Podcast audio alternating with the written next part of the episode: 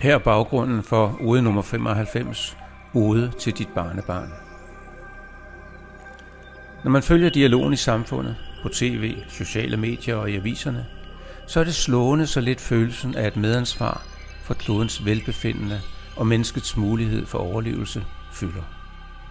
Det virker nærmest som om alle er fast overbevist om, at en messias vil indfinde sig og løse alle problemerne. Og hvis det ikke ligefrem bliver en messias, jamen så efter al sandsynlighed teknologiske fremskridt, som vil gøre det muligt for os at fortsætte vores misbrug af kloden. Tja, det kan vi da håbe på. Men hvad nu, hvis teknologien ikke leverer miraklet? Jeg tænker, det måske er en god idé at forberede et svar, når dit barnebarn en dag spørger dig, hvorfor gjorde I ikke noget? Her kommer ude nummer 95, ode til barnebarnet.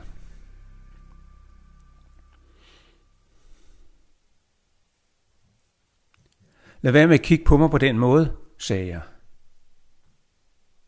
Hvordan skal jeg så kigge på en, der har ødelagt mit liv? svarede hun. Hun var mit barnebarn, Sara, på bare 11 år. Jeg mærkede et hav af følelser indvendigt. Vrede, uretfærdighed, fortvivlelse, sorg. Men mest af alt nok skyld. Jeg ved, at hun ikke havde mig. Hun mente ikke oprigtigt, at jeg havde ødelagt hendes liv.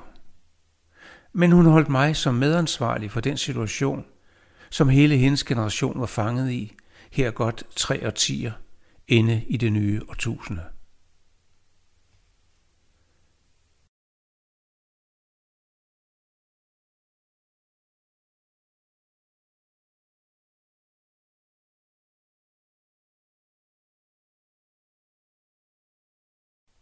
Hendes øjne var ikke kolde, men rigeligt kølige.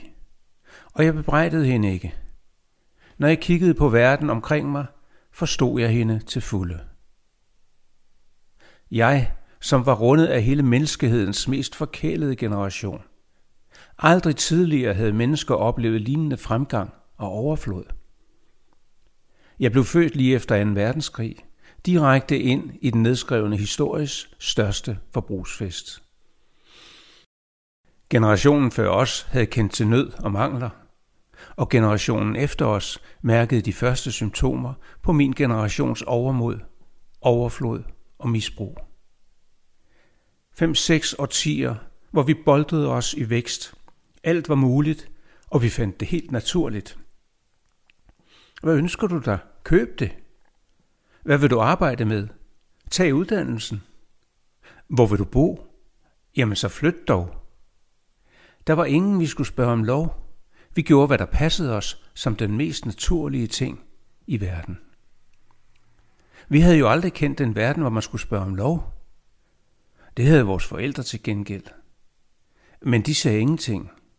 De klamrede sig bare til bagsmækken og prøvede at hænge på det bedste, de kunne. Og alting løb løbsk. Ingen sagde, øh, stop lige et øjeblik. De fleste, fordi de var bange.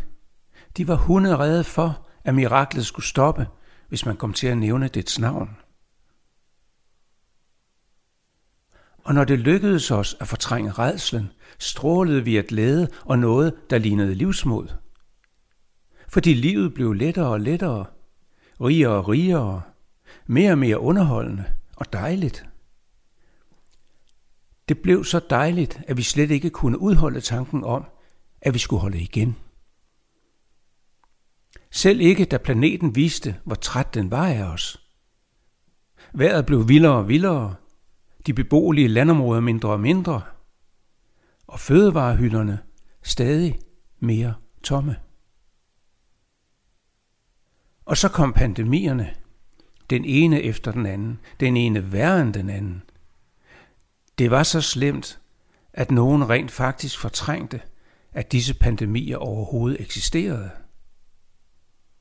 Mens mennesker døde om ørerne på dem, hævdede de, at det slet ikke skete, at det var et stunt, en medieløgn. Og samtidig med alle disse trængsler og ulykker, gik uligheden amok. Ikke blot den rige verden i forhold til ulandene. Næh, selv i dette lille, rige land, højt mod nord, blev skældene mellem mennesker stadig større. De, der fik glæde af uligheden, var tilfredse. Det vil sige, lige indtil de blev nødt til at indhegne deres ejendomme med pigtråd og kameraer, og til at have vagter ved siden, når de skulle på shoppingtog på strøget eller på job i City.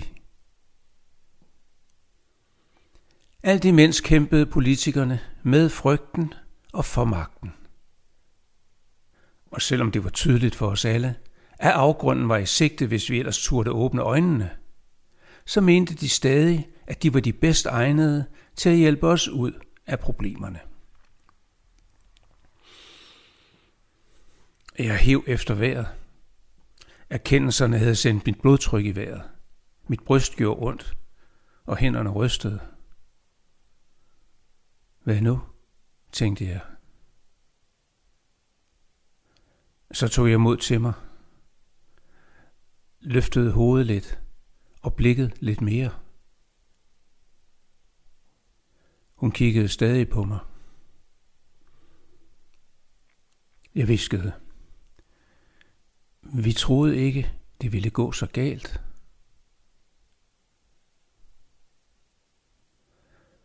Hun så på mig. Det kølige blik var væk. Kun sorgen var tilbage. Tårer løb ned af hendes kinder. Så rejste hun sig, vendte med ryggen og gik.